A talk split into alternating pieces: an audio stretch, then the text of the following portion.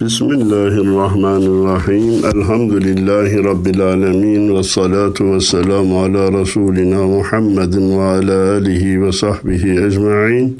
Emma ba'd. Çok değerli Erkam Radyo dinleyenleri, hepinize hayırlı cumalar niyaz ediyorum. Cenab-ı Allah hakkımızda hayırları halk eyleyip şerleri def eylesin önümüzdeki sıkıntıların geçmesini, başımızdaki imtihanın sona ermesini nasip eylesin. Efendim yine bu olaylar devam ettiği için değerli program arkadaşım Mehmet Hadi Duran'a selamlarımı ileterek tek başıma programa devam edeceğim. Cenab-ı Allah inşallah en kısa zamanda beraber program yapmamızı da nasip eylesin diye dua ediyorum. Efendim Bizim dinimizde misafirin yerinin çok önemli olduğunu hepiniz bilirsiniz. Efendimiz Peygamberimiz Aleyhisselatü Vesselam Allah'a ve ahiret gününe inanan misafirine ikram etsin, komşusuna iyi davransın, ya hayır söylesin ya da sussun buyurmuş. Misafire ikram bizde ibadetin bir bölümüdür. Avrupalının bilhassa Almanların aklının bir türlü ermediği şey ikramdır. Kesesinden, kasasından, öz aile fertlerinin bile yediği yemeğin parasını ödese eksilecek, bitecek, ölecek, mahvolacak, iflas edecek zannediyor. Biz de bunun tam tersine hatırlarsanız misafir on kısmetle gelir, birini yer, dokuzunu bırakır gider diye düşünülür, inanılır ve doğru olan da budur. İşe böyle bakınca misafire ikram edilen şeyin maddi bir kayıp olmadığı, tam aksine maddi açıdan, bereket açısından da bir kazanç olduğu ortaya çıkar ve insanlar misafirleri ağırlarken zorlarına gitmez, gücenmezler.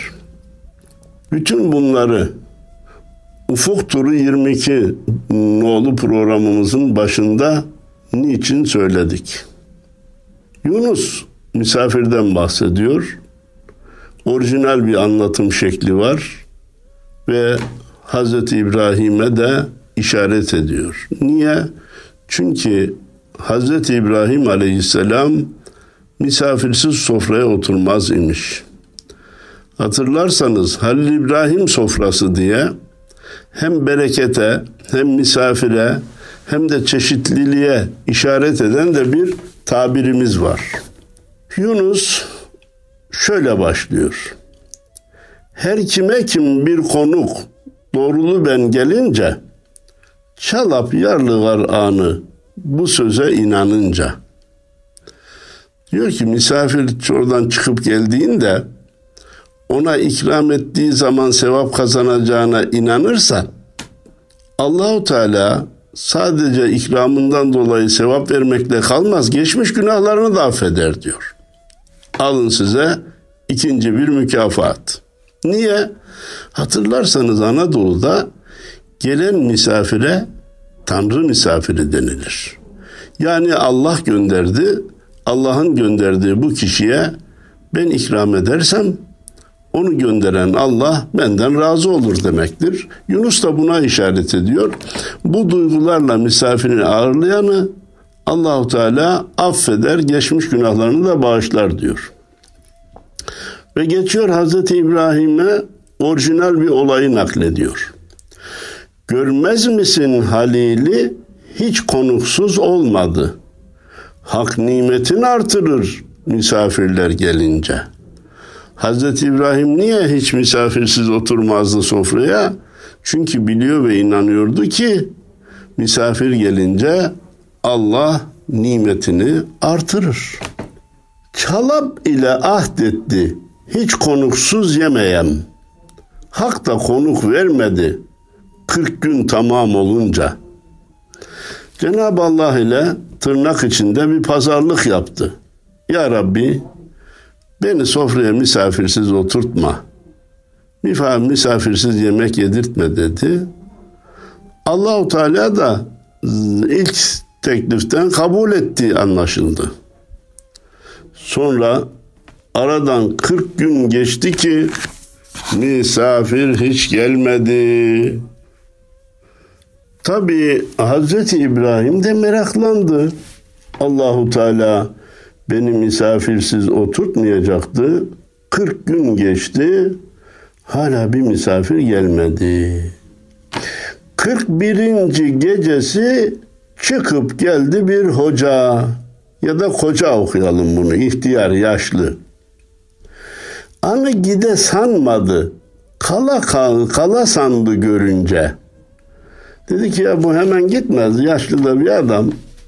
Bu durur biraz bekler. Halil namaza durdu. Konuk yoluna girdi. Hazreti İbrahim şurada namazımı kılayım bitince onunla meşgul olurum dedi. Gitmez nasıl olsa bekler zannetti. Hazreti İbrahim namaza başlayınca ihtiyar yola koyuldu. Allah'tan avaz geldi sabahtanla olunca. Sabahleyin de Allahu Teala ne oldu İbrahim? Misafirimize niye sahip çıkmadın diye vahiy geldi, nida geldi, avaz geldi, haber geldi. Ha. Çalaptan avaz geldi, eder o konuk hani? Cenab-ı Allah dedi ki ne oldu bak misafir göndermiştim. Nerede o misafir? Gözleri yaşla doldu yanıldığın bilince. Eyvah dedi. Demek ki yanılmışım. O Rabbimin gönderdiği bir misafirmiş. Başladı ağlamaya. Gözleri yaşla doldu. Düştü ihtiyarın peşine. Vardı konuğu buldu, ayağına yüz sürdü. Eksikliğini arz etti muradını bulunca. İyi yakaladık misafiri dedi. Dedi ki ayaklarına yüzümü süreyim. Ben bir yanlış yaptım. Allahu Teala da beni uyardı. Gel dönelim de benim misafirim ol.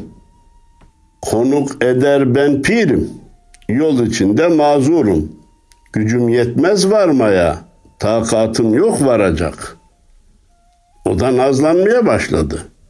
Ben yaşlıyım, ben ihtiyarım. Öyle yürüme imkanım yok. Senin evine gitmeye benim gücüm yetmez. Halil eder eksikli benim. Tapuna geldim. Eksikliğimi bildim. Hak'tan hitap gelince. Evet ben yanıldım ama insan hali yanılabilirim. Bak ayağına geldim sana. Rica ediyorum. Allahu Teala beni uyarınca senin bir Allah misafir olduğunu, Allah tarafından gönderildiğini anladım. Gel benim bu isteğimi yerine getir de evimize dönelim, seni misafir edeyim, ağırlayayım. Konuk der ki varamam, yayan yürüyemem. Meğer kim götüresin, evine dek varacak. Evine varıncaya kadar sırtını alırsan giderim, yoksa gitmem dedi. Nazlı ya hani. Göndereni büyük ya. Evine kadar eğer sırtında beni taşırsan giderim yoksa Halil onu getirdi ta evine yitirdi. Halil sırtına aldı evine kadar onu taşıdı. Konuğu yere koydu ta evine gelince. Eve de gelince haydi in bakalım dedi. Ol konuk ki çün geldi Halil gönlü hoş oldu o, o misafir ki eve geldi ya Hazreti İbrahim ondan memnun oldu. Halil insafa geldi burnundan kan gelince. Halil hem memnun oldu hem üzüldü. Üzüntüsü sevinci birbirine karışınca burnundan kan geldi. Bunun iki manası var değerli dinleyenler. Bir, hatasını anladı. İki, tamir ve telafi ettiği için de memnuniyet duydu. Bu da tansiyonunu alt üst etti. Burnundan kan geldi. Halil onu konukladı, onun gönlü hoş oldu. Halil ne zahmet çekti konuk gönlün alınca. Alıncaya kadar da ne, ne zahmetler çekti. Ama sonunda memnun oldu ya, Hazreti Halil'in de gönlü hoş oldu. İşit Yunus'un sözün, gafletten uyar gözün. Konu hoşça tutun, doğrulu ben gelince. Bütün şiirin sonunda da Yunus söyleyeceğini söylüyor. Hikayeyi dinlediniz. Gafletten gözünüzü açın da bu aciz Yunus'un sözünü tutun diyor. Konuk misafir şordan doğrulu ben gelince onu hoşça tutun. Gönderenin Allah olduğunu unutmayın diyor.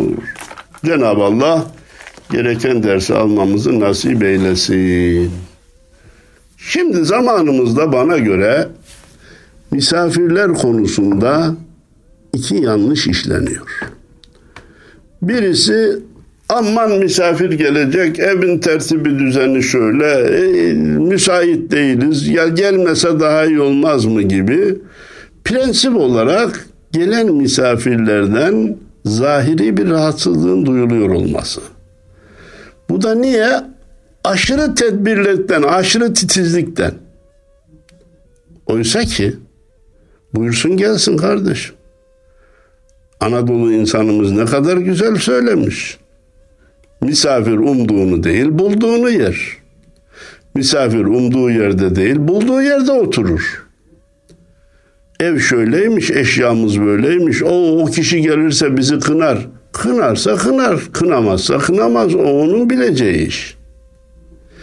Gelince de aşırı iltifat da misafiri rahatsız eder. Hem bizi sonra zora sokar hem onu zora sokar. Aman misafir geldi şu da olmazsa olmaz bu da olmazsa olmaz diye telaşa girmenin çok çeşitli ikramlar sunmaya çalışmanın da ben doğru olmadığı kanaatindeyim. Beraberinde de misafire aşırı zorla ikramın da doğru olmadığı kanaatindeyim. İlla ye, Allah'ını seversen ye, bak kendi ellerimle yaptım, bu geriye gitmesin gibi yiyecekleri ısrarla takdim etmenin de doğru olmadığı kanaatindeyim. Bugün insanlar az yemekten değil, çok yemekten rahatsız oluyorlar. Israrlı ve çok ikram misafiri rahatsız eder, memnun etmez deyip bunu noktalıyoruz. Efendim Yunus tasavvuf ehlidir malumunuz.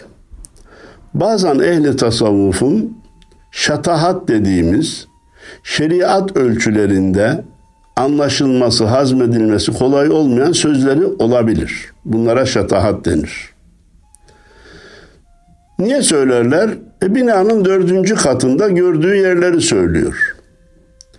Bizim dinimiz dördüncü kata çıkanlara diyor ki, birinci katı ihmal etmeyin, birinci kata ters düşecek şeyler söylemeyin.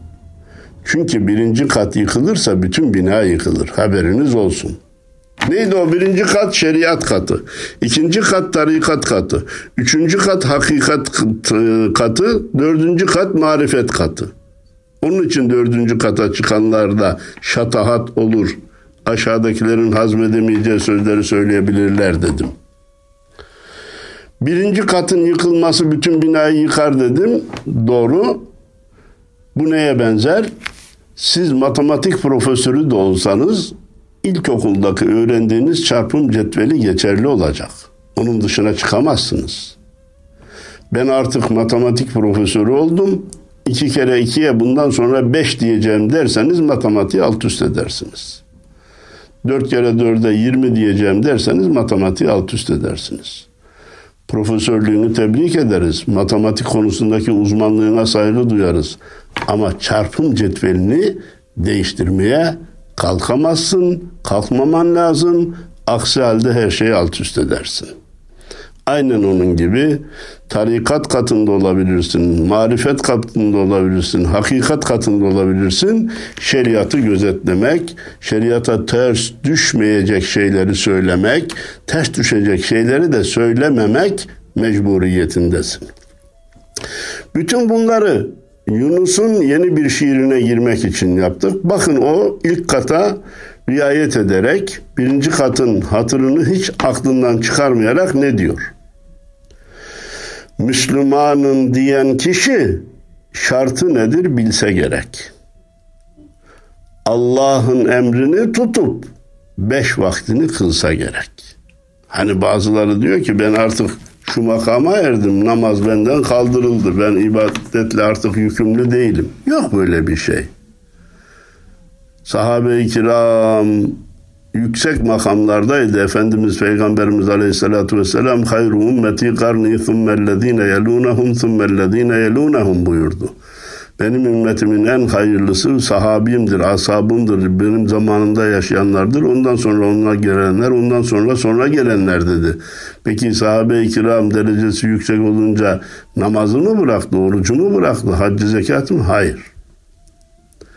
Öyleyse böyle söyleyen insanların sözlerine itibar etmemek lazım. Ben şu makama geldim artık ibadetlerle yükümlü değilim diyen kişi tırnak içinde ve büyük harflerle saçmalıyor demektir.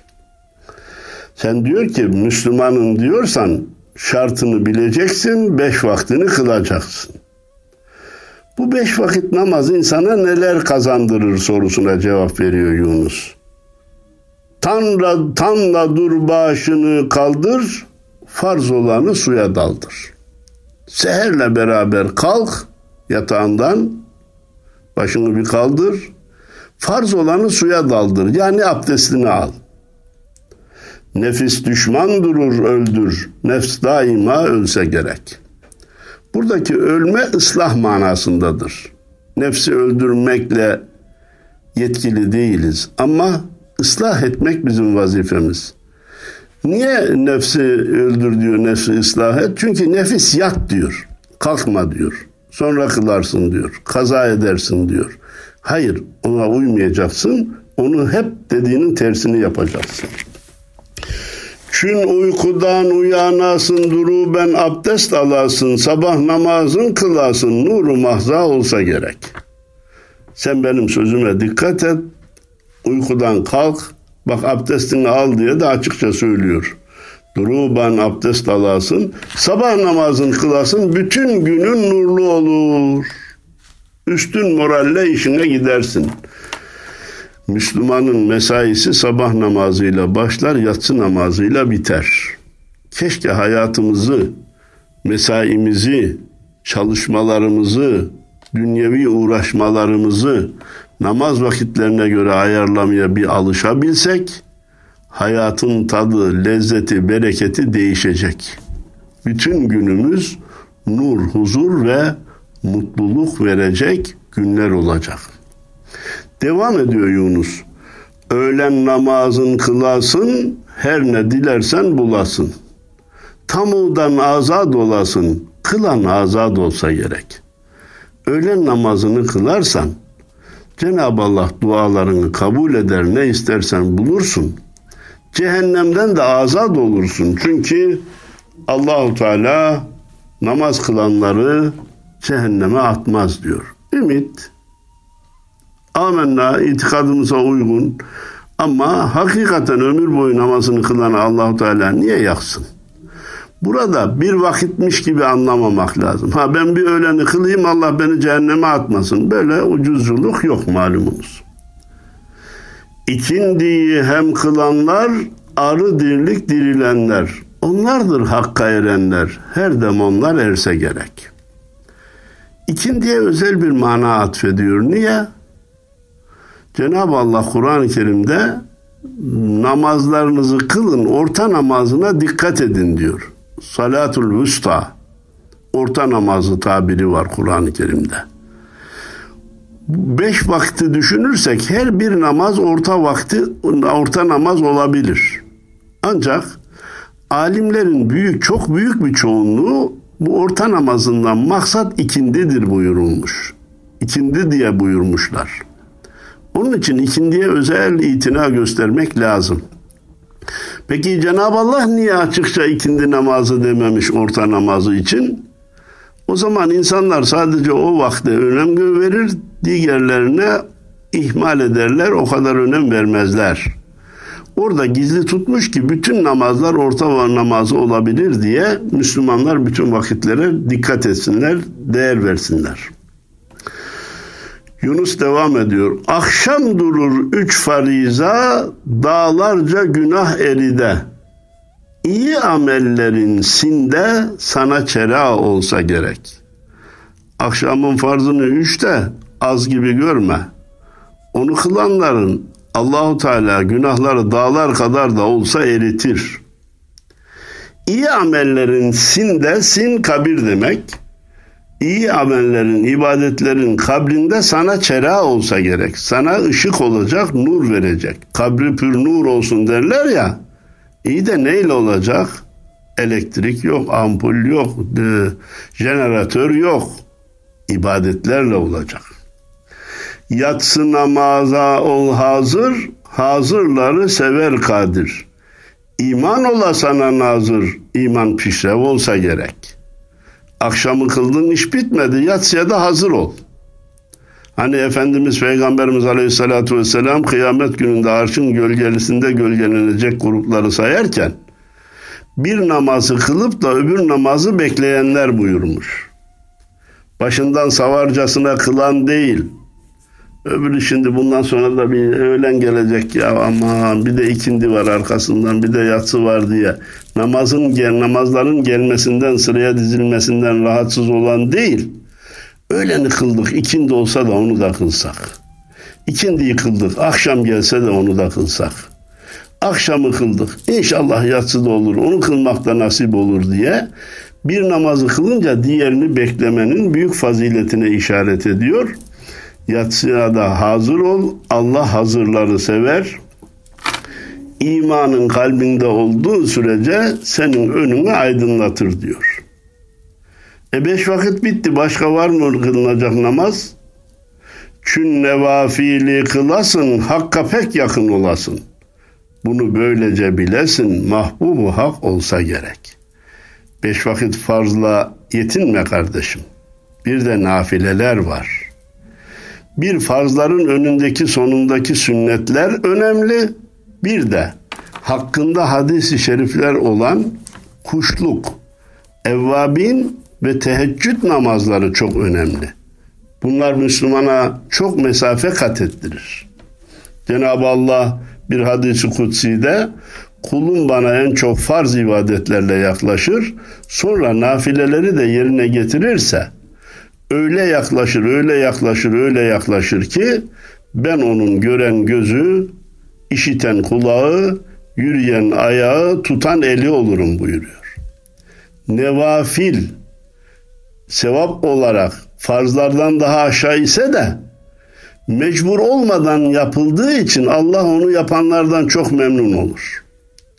Hani bir insana bir borcun var. Onu vermek mecburiyetindesin. Ama komşuna hiçbir borcun yok. İkram etmek mecburiyetinde de değilsin. Ama bir çiçek alıp gitsen, mecbur olmadığın halde evde pişirdiğin yemekten bir miktar ona da versen ne kadar memnun olur. Bu kişi mecbur değildi ama bunu getirmesi beni sevdiğine işarettir. Anlamına gelir. O anlamda diyor ki nafileleri de ihmal etme. Nafileleri kılan hakka yakın olur. Bunu böylece bilesin ki nafileleri de yerine getiren Allahu Teala yanında mahbub olur, sevgili kul olur. Ayrıca bunun dışında da Allah rızası için kalkıp bir abdest alıp bir namaz kılayım dese bir insan, eline Kur'an alsa, okusa, eline tesbihini alsa, Allah dese, bunlar kulu Allah'a yaklaştıran faaliyetlerdir.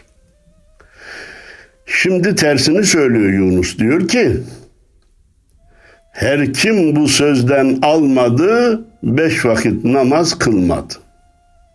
Bil ki Müslüman olmadı ol tamuya girse gerek. E diyor ki sabahtan beri ben size namazın faziletlerini anlatıyorum. Bir insan düşünün ki hem Müslümanım, müminim, inanıyorum diyor hem de namazını kılmıyor. E bil ki Müslüman olmadı. Mümin mi? İnanıyor. İman, ibadeti terk insanı dinden çıkarmaz ama tam teslim olduğunu gösteremiyor. Tam tersine tam teslim olamadığı ortaya çıkıyor. Bil ki Müslüman olmadı. Ol tamuya girse gerek. Onun gideceği yer cehennem olur. Ha ne kadar kalbindeki imanı ahirete taşırsa kılmadığı namazlar, tutmadığı oruçlar kadar yanmak üzere cehenneme gider. Görmez misin Mustafa'yı, nice bekledi vefayı. Çekti ümmeti için cefayı. Ümmet ona erse gerek. Peygamberine bak takip et. Miraç'ta ümmetim dedi, Beşik'teyken ümmetim dedi. Her bir safhada ümmetini düşündü. Diyor ki her namazda, her abdestte misvakı emredecektim de ümmetime meşakkat olur diye emretmedim buyuruyor. Teravih namazının niye hepsini mescitte kılmıyor? Niye 20 rekat mescitte, 36 rekatı mescitte kılmıyor? Ümmetime vacip olmasın diye. O diyor her defa, her safhada ümmetini düşündü, vefa gösterdi. Sen de ona ümmet olmaya layık ol. Sen onun ümmeti olmak için gayret sarf et, çabala. Yattığın yerden netice bekleme. Bekler isen din gayretin verme gel nefse isteyin. Yunus Nebi salavatın aşk ile verilse gerek. Peygamberi seviyorum demekle de olmaz. Ona salatu selam getirmek lazım. Yunus sen de ona aşkla salatu selamını getir diyor. Biz ne yapalım? Yunus'un bir başka şiirine geçerek ne dediğine kulak verelim. Değerli dinleyenlerimiz genel bir kuraldan bahsetmek istiyorum size. İyilik, iyiler de yalnız kalmayı istemez, kötüler de yalnız kalmayı istemez. Bir günahı işleyen insan etrafına bakıp da başka kişilerin de olduğunu görürse bir rahatlık duyar. İyi canım yalnız ben yalnız değilim. Bak başkaları da yapıyor demek ki ben de yapabilirim der. Bir iyiliği, bir ibadeti yerine getiren de başkalarını yanında görürse aşkı muhabbeti artar bir öğlen namazını evinizde kıldığınızı düşünün, bir de camide kıldığınızı düşünün. O cemaat size bir e, şevk verir, aşk verir. Hele cuma namazı, bayram namazı, teravih namazlarında biz bunu elle tutulur, gözle görülür şekilde yaşarız. Hac bir nevi işin zirveye çıkmasıdır. Ne demiştik? İyiler de yalnız kalmayı istemez, kötüler de yalnız kalmayı istemez. Kötüler yanlarında başkalarını görünce teselli bulur, İyiler yanlarında başkalarını görünce heyecanları, aşkları, muhabbetleri artar. Peki bunların için söyledik. Yunus bizi davet ediyor. Yoldaş olalım ikimiz. Gel, dosta gidelim gel. Haldaş olalım ikimiz. Gel, dosta gidelim gel. Ya bu yola yalnız gidilmez. Ben bir yola çıktım. Sen de gel de beraber gidelim. Ne kadar güzel ve davet şekli de ne kadar hoş. Kılavuz ol sen bana, dönelim dosttan yana. Koyma kıl önden sona, gel, dosta gidelim gel. Eğer benim önden yürümem sana zor geliyorsa geç sen önden yürü kardeşim. Benim böyle bir liderlik, önderlik diye bir davam da yok. Sen önder ol beraber gidelim. Dosttan yana gidelim. Benim teklifim bundan ibaret. Koyma kıl önden sonra. Hele yarın gideriz canım dur bakalım deme. Her tehirde terk tehlikesi vardır. Bu cümlenin altını çizin. Her tehirde geriye bırakmada o işin terk edilme tehlikesi vardır. Bu dünyaya kanmayalım, fanidir aldanmayalım. İkimiz söz eyleyelim. Gel, dosta gidelim gel.'' Ben seni niye davet ediyorum? Eğer benim yanıma gelmezsen dünyaya kanacaksın. Orada ona dalıp gideceksin. O da bir gün elinden çıkacak seni aldatacak. Dünya değildir payidar, aç gözünü canın uyar. Olgul bize yoldaş uyar, gel dosta gidelim gel. Anlamadınsa bir daha söylüyorum diyor. Dünya sana yar olmaz gözünü aç, canını uyar, bize yoldaş ol, tabir caizse tırnak içinde bize takıl, biz hak yolcularıyız, seni hakka, Allah'ın rızasına giden yere götürürüz. Bu dünyadan bir göçelim, ol dost iline uçalım. Arzu hevadan geçelim, gel dosta gidelim gel. Şu fani şeylerden bir geçmeye karar verelim dost eline uçmaya karar verelim. Arzu hevesleri geçici fani şeyler olarak bilelim. Biraz daha uyarıcı konuşuyor. Diyor ki, ölüm haberi gelmeden, ecel yakamız almadan, Azrail hamle kılmadan gel dosta gidelim gel. Bak davetime icabet etmezsen, sözümü duymazsan bir gün ölüm haberi gelir. Azrail yakanı tutar. Sana hamle kılınca sen onu geriye atamazsın.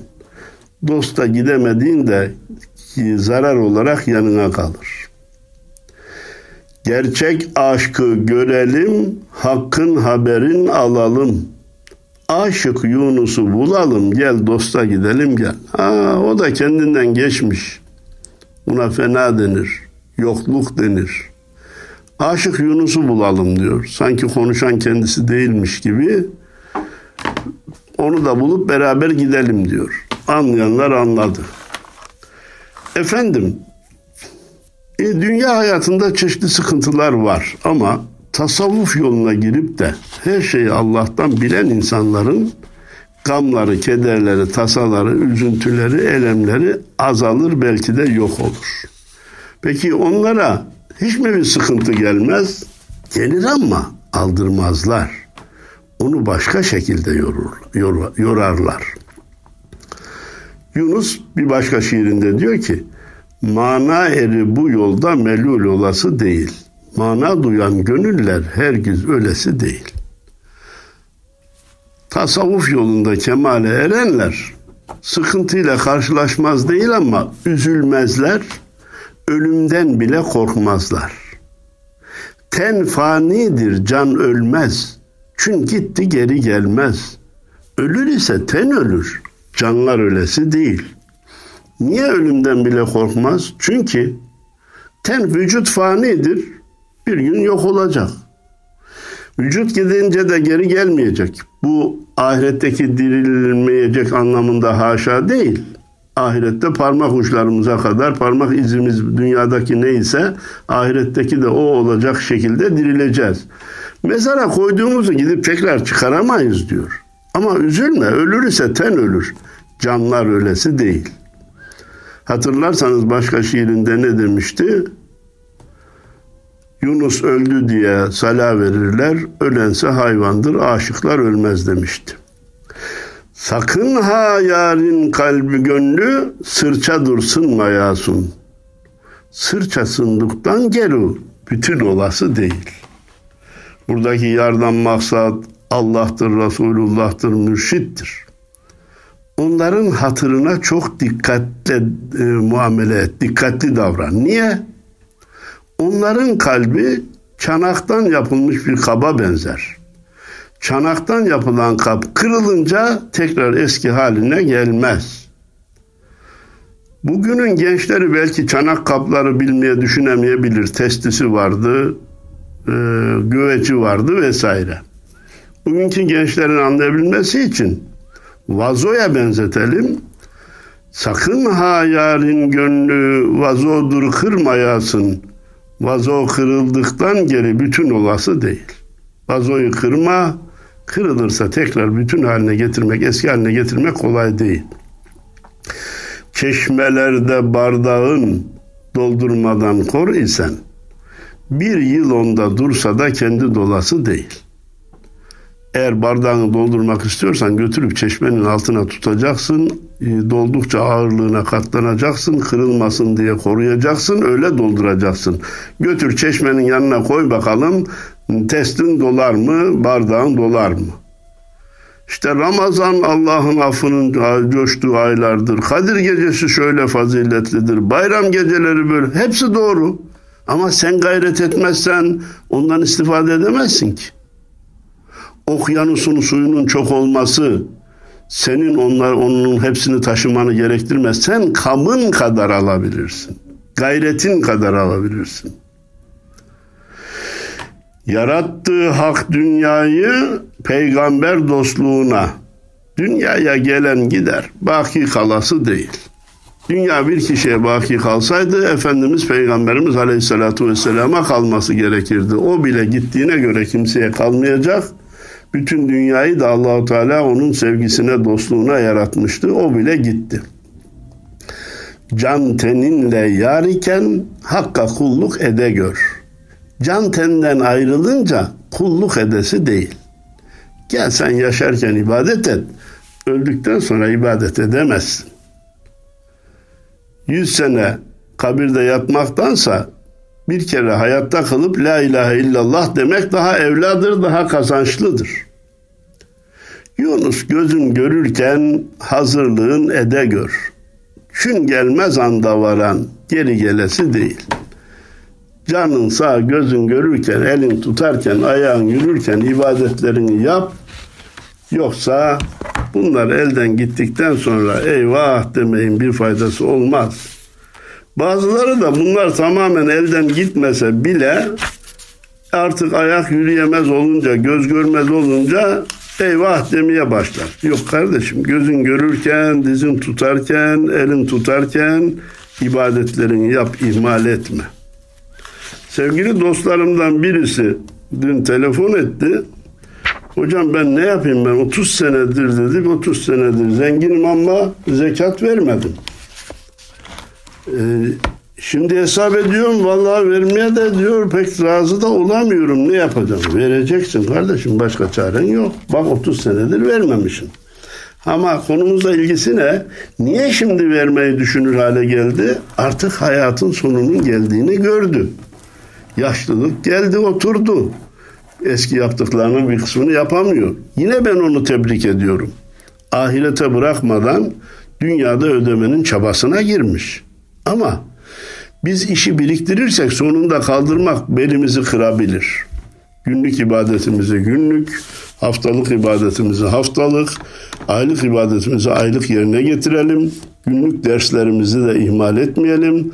Cenab-ı Allah da bizden razı olsun diyor. Hepinize hayırlı cumalar dileyerek saygılarımı, sevgilerimi arz ediyorum. Allah'a emanet olun.